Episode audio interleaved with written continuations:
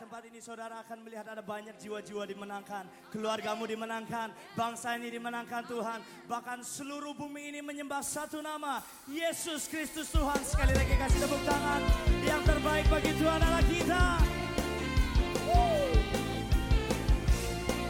Mari bertepuk tangan di atas kepala bersama-sama. Kibarkan panci Tuhan.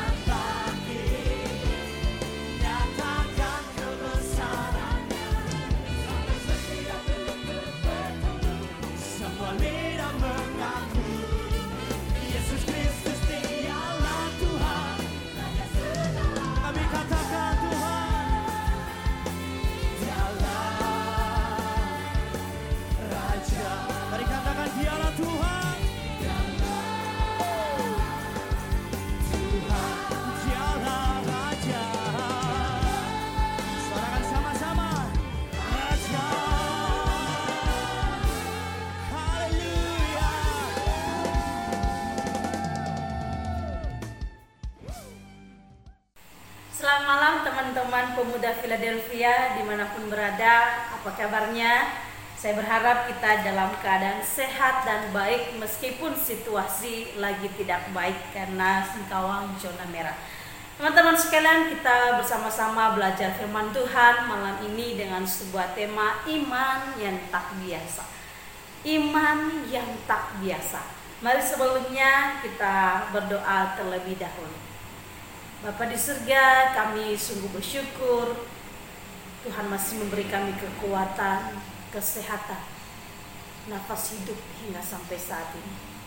Kami bersyukur untuk kesempatan kami boleh belajar bersama-sama dari kebenaran firman Tuhan. Tuhan berbicaralah kepada setiap kami karena kami siap dibentuk, dibina, dididik oleh kebenaran firman Tuhan. Di tengah situasi yang genting, situasi yang tidak menentu sekarang ini, ajarkan kami ya Tuhan untuk boleh terus mempercayai, percaya kepada Tuhan dalam seluruh, di dalam segala aspek kehidupan kami. Tuhan tolong dan Tuhan berkati pemberitaan firman Tuhan ini. Di dalam nama Tuhan Yesus kami berdoa, kami bersyukur. Amin. Teman-teman sekalian, iman yang tak biasa. Seringkali tanpa kita sadari ketika kita mengikut Tuhan, di dalam perjalanan kita mengiring Tuhan, kita sering kali mengikut Tuhan dengan mental konsumerisme. Ya, kalau Tuhan mengabulkan atau menyediakan apa yang saya butuhkan, apa yang saya inginkan, apa yang saya rindukan, maka saya tetap mau percaya, mau mengikut Tuhan. Jika hidup saya aman, sejahtera, sentosa, baik, mulus adanya, maka saya akan semangat sekali untuk mengikut Tuhan, untuk melayani Tuhan. Tapi sering kali ketika keadaannya berbeda, ketika apa yang kita inginkan tidak sesuai dengan realita yang ada, kita acap kali kecewa atau kita beralih kepada yang lain kita berpindah hati kepada yang lain. Lalu kita kemudian bertanya, aduh Tuhan engkau sanggup tidak? Ah Tuhan, kenapa sih harusnya begini? Kenapa begitu? Dan lain sebagainya. Teman-teman yang terkasih, tetapi firman Tuhan pada malam hari ini mengingatkan kita. Iman yang tak biasa, apa artinya? Iman yang teguh. Meskipun situasi kondisi tidak diubahkan tidak doa kita tidak dijawab oleh Tuhan, kita tetap percaya kepada Dia. Kita tetap teguh imannya mengikut mengiring Tuhan. Saudara, ini susah sekali dan ini sulit. Ini adalah pelajaran seumur hidup kita di dalam mengiring Tuhan. Tapi malam ini mari kita belajar dari tiga tokoh di dalam Alkitab yaitu Sandra, Mesak, dan Abednego. Ketika waktu itu Raja Nebukadnezar membuat patung emas. Lalu kemudian seluruh rakyatnya harus disuruh menyembah patung emas yang dibuat oleh raja. Saudara seluruh rakyat tanpa terkecuali harus sembah patung emas yang dibuat, yang didirikan oleh raja. Tapi menariknya Sadrak Mesak Abednego menolak untuk menyembah patung itu. Dan kita melihat ketika mereka menolak untuk tidak menyembah, mereka terancam. Mereka diancam dan juga hidup mereka ada di dalam bahaya. Itulah sebabnya kalau kita membaca Daniel pasal 3 di situ kita melihat bahwa ketika Nebukadnezar mendengar bahwa ada tiga orang nih yang tetap berdiri teguh tidak mau menyembah patung yang dia buat, maka dia panggil tuh. Sadrak, Mesak, Abednego dia panggil. Lalu kemudian dia berkata di dalam pasal 3 ayat 14, berkatalah Nebukadnezar kepada mereka yaitu Sadrak, Mesak dan Abednego. Apakah benar hai Sadak Mesak dan Abednego bahwa kamu tidak memuja dewaku dan tidak menyembah patung emas yang kudirikan itu? Ayat 15. Sekarang jika kamu bersedia demi kamu mendengar bunyi sangkakala, seruling kecapi rebab gambus, sedam dan berbagai-bagai jenis bunyi-bunyinya, sujudlah menyembah patung yang kubuat itu. Jika kamu mendengar bunyi itu, sujudlah menyembah patung yang kubuat itu. Tetapi jika kamu tidak menyembah, kamu akan dicampakkan seketika itu juga ke dalam perapian yang menyala-nyala. Dan dewa manakah yang dapat melepaskan kamu dari dalam tanganku? Saudara Nebukadnezar memberi mereka pilihan. Hei, kalau kamu mendengar bunyi sangkakala, bunyi bunyian itu, kamu harus menyembah patung itu. Tapi jika kamu menolak, maka engkau akan dicampakkan seketika. Ketika kamu menolak perintah itu, eh, seketika engkau akan dicampakkan dalam perapian yang menyala-nyala. Dan terakhir Nebukadnezar kata, dewa manakah yang dapat melepaskan kamu dari tanganku? Kalau aku sedang mencampakkan engkau dalam perapian yang menyala-nyala. Saudara, sebuah ancaman yang luar biasa. Bukan ancaman dari orang yang biasa, tetapi dari raja sendiri. Menariknya ketika mereka mendengar ancaman ini, ketika mendengar perintah ini, apakah Sadrak Mesar dan Abednego kemudian cepat-cepat berbalik lalu kemudian aduh, situasi dalam bahaya. Kita ada dalam ancaman. Ya sudahlah kita sembah aja daripada kita dilemparkan ke dalam api yang menyala-nyala. Ya udah sembah aja. Maka kita akan dilepaskan dari jerat ancaman raja ini. Tapi menariknya saudara, Sadrak, Mesak dan Abednego tetap di dalam pendirian mereka. Tetap di dalam iman mereka. Mereka menjawab raja demikian. Jika Allah kami yang kami puja sanggup melepaskan kami. Sebenarnya ini bukan sanggup ya. Jika Allah yang kami puja mau melepaskan kami, maka ia akan melepaskan kami dari perapian yang menyala-nyala itu dan dari tanganmu ya Raja 18 tetapi seandainya tidak hendaklah Tuanku mengetahui ya Raja bahwa kamu tidak akan memuja dewa Tuanku dan tidak akan menyembah patung emas yang Tuanku dirikan itu. Saudara, sebuah respons jawaban yang luar biasa dari Mesak dan Abednego. Mereka menjawab raja demikian, Raja, jika Allah yang kami puja mau melepaskan kami, maka ia akan melepaskan kami. Dari perapian itu dan dari tanganmu ya Raja. Tetapi jika pun Allah yang kami puja itu, Allah yang kami sembah itu tidak melepaskan kami, tidak menolong kami, maka ketahui bahwa kami tidak akan garis bawah ya tidak akan memuja dewa tuanku dan tidak akan menyembah patung emas yang tuanku dirikan itu. Saudara sebuah iman yang luar biasa. Di tengah ancaman di tengah bahaya yang ada di depan mata taruhannya adalah nyawa. Mereka masih mengatakan jika Tuhan mau melepaskan kami, Tuhan mau melepaskan kami, maka ia sanggup mengerjakannya. Tetapi jika Tuhan tidak menghendaki untuk melepaskan kami, maka kami tidak akan berpaling. Kami tidak akan mau memuja dan menyembah patung yang engkau dirikan. Saudara yang terkasih, ini adalah iman yang luar biasa tidak didasari pada situasi kondisi. Seringkali dalam kehidupan kita mengiring Tuhan, Tuhan, kalau kamu, kalau Tuhan menjawab ya, maka aku akan giat.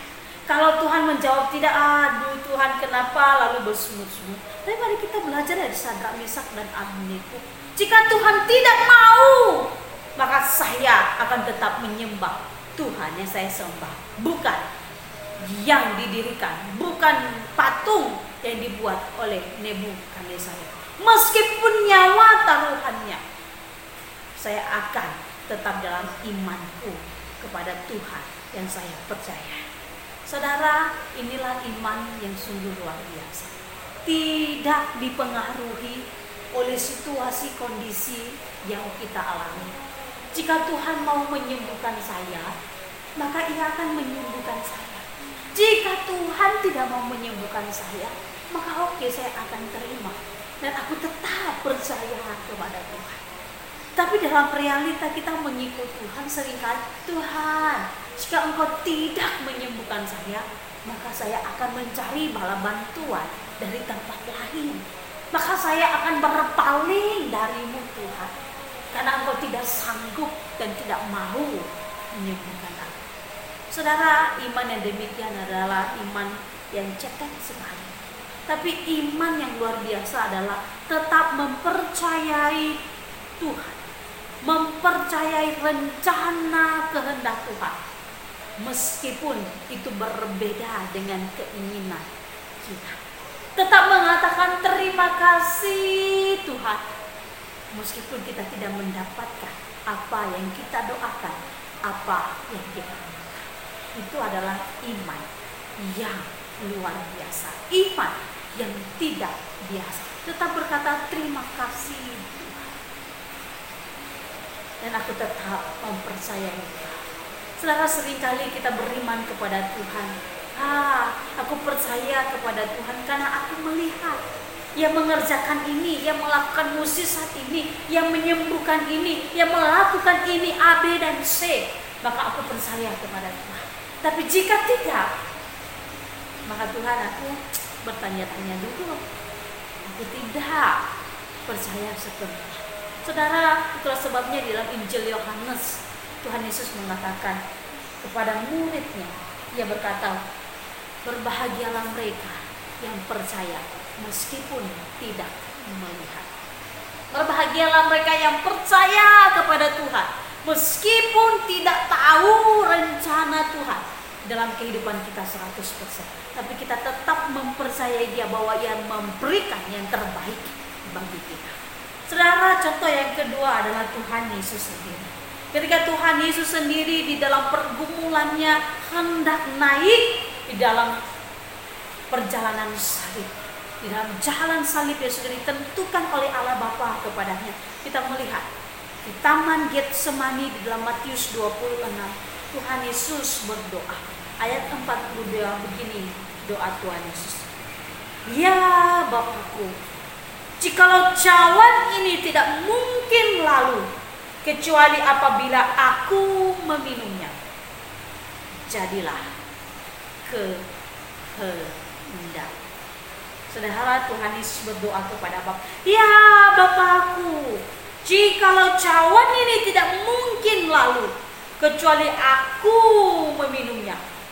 Jadilah kehendak. Dia minta kepada Bapak, kalau boleh, janganlah Tuhan saya meminum cawan ini.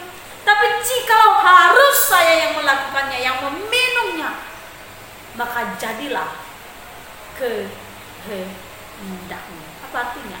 Taat sepenuhnya kepada kehendak Bapa. Taat sepenuhnya pada rencana Bapa terus di dalam karya keselamatan yang dirancang oleh Allah untuk menyelamatkan manusia. Saudara, biarlah itu juga boleh menjadi doa kita. Ketika kita berdoa tentang sesuatu, ketika kita berdoa kepada Tuhan, jikalau engkau menjawab tidak, maka jadilah kehendakmu. Jikalau engkau menolak permintaanku ini ya Tuhan, maka jadilah kehendakmu. Aku tetap mempercayai engkau di dalam kehidupan. Saudara di tengah masa yang sulit sekarang ini, kita melihat orang yang positif COVID semakin melonjak. Di dalam hati kita timbul kecemasan, timbul kekhawatiran, timbul ke, timbul ketakutan. Aduh, mungkin kalau tahun lalu orang yang terkena COVID, aduh masih jauh lah, masih orang Jakarta yang banyak. Tetapi tahun-tahun ini belakangan ini COVID itu semakin nyata, COVID itu semakin dekat. Mungkin itu keluarga kita, mungkin itu kerabat kita, itu termasuk orang yang kita kasihi, orang yang dekat dengan kita, atau kita sendiri yang kena COVID. Saudara, bagaimana kita menyikapinya? Apa kita kemudian bertanya, Tuhan kenapa saya kena COVID? Apakah saya sudah taat prokes loh Tuhan? Saya tidak ke mana-mana, tapi kenapa saya kena? Keluarga aku kena, dan sebagainya. Saudara, biarlah kita tidak memiliki iman yang demikian. Tapi bagaimana ketika kita terkena COVID pun, kita masih tetap percaya bahwa Tuhan sanggup mengendalikan segala situasi. Dan jika Tuhan mau menyembuhkan, ia menyembuhkan. Dan jika Tuhan tidak menyembuhkan, pilihlah aku tetap percaya kepada Saudara, ini memang tidak mudah. Tapi mari kita belajar memiliki iman yang teguh kepada Tuhan. Iman yang tidak dilandasi oleh situasi kondisi. Iman yang tidak dipengaruhi oleh keadaan yang menghimpit kita. Tapi meskipun keadaan susah, sulit, sukar, hati kita tetap berpaut kepada Tuhan. Tetap percaya kepadanya bahwa kehendaknya, rencananya dalam kehidupan Tuhan pasti baik, terbaik adanya. Karena itu, mari tetap percaya kepada Tuhan. Mari tetap beriman kepada Tuhan meskipun keadaan tidak berubah. Tuhan Yesus memberkati kita semua.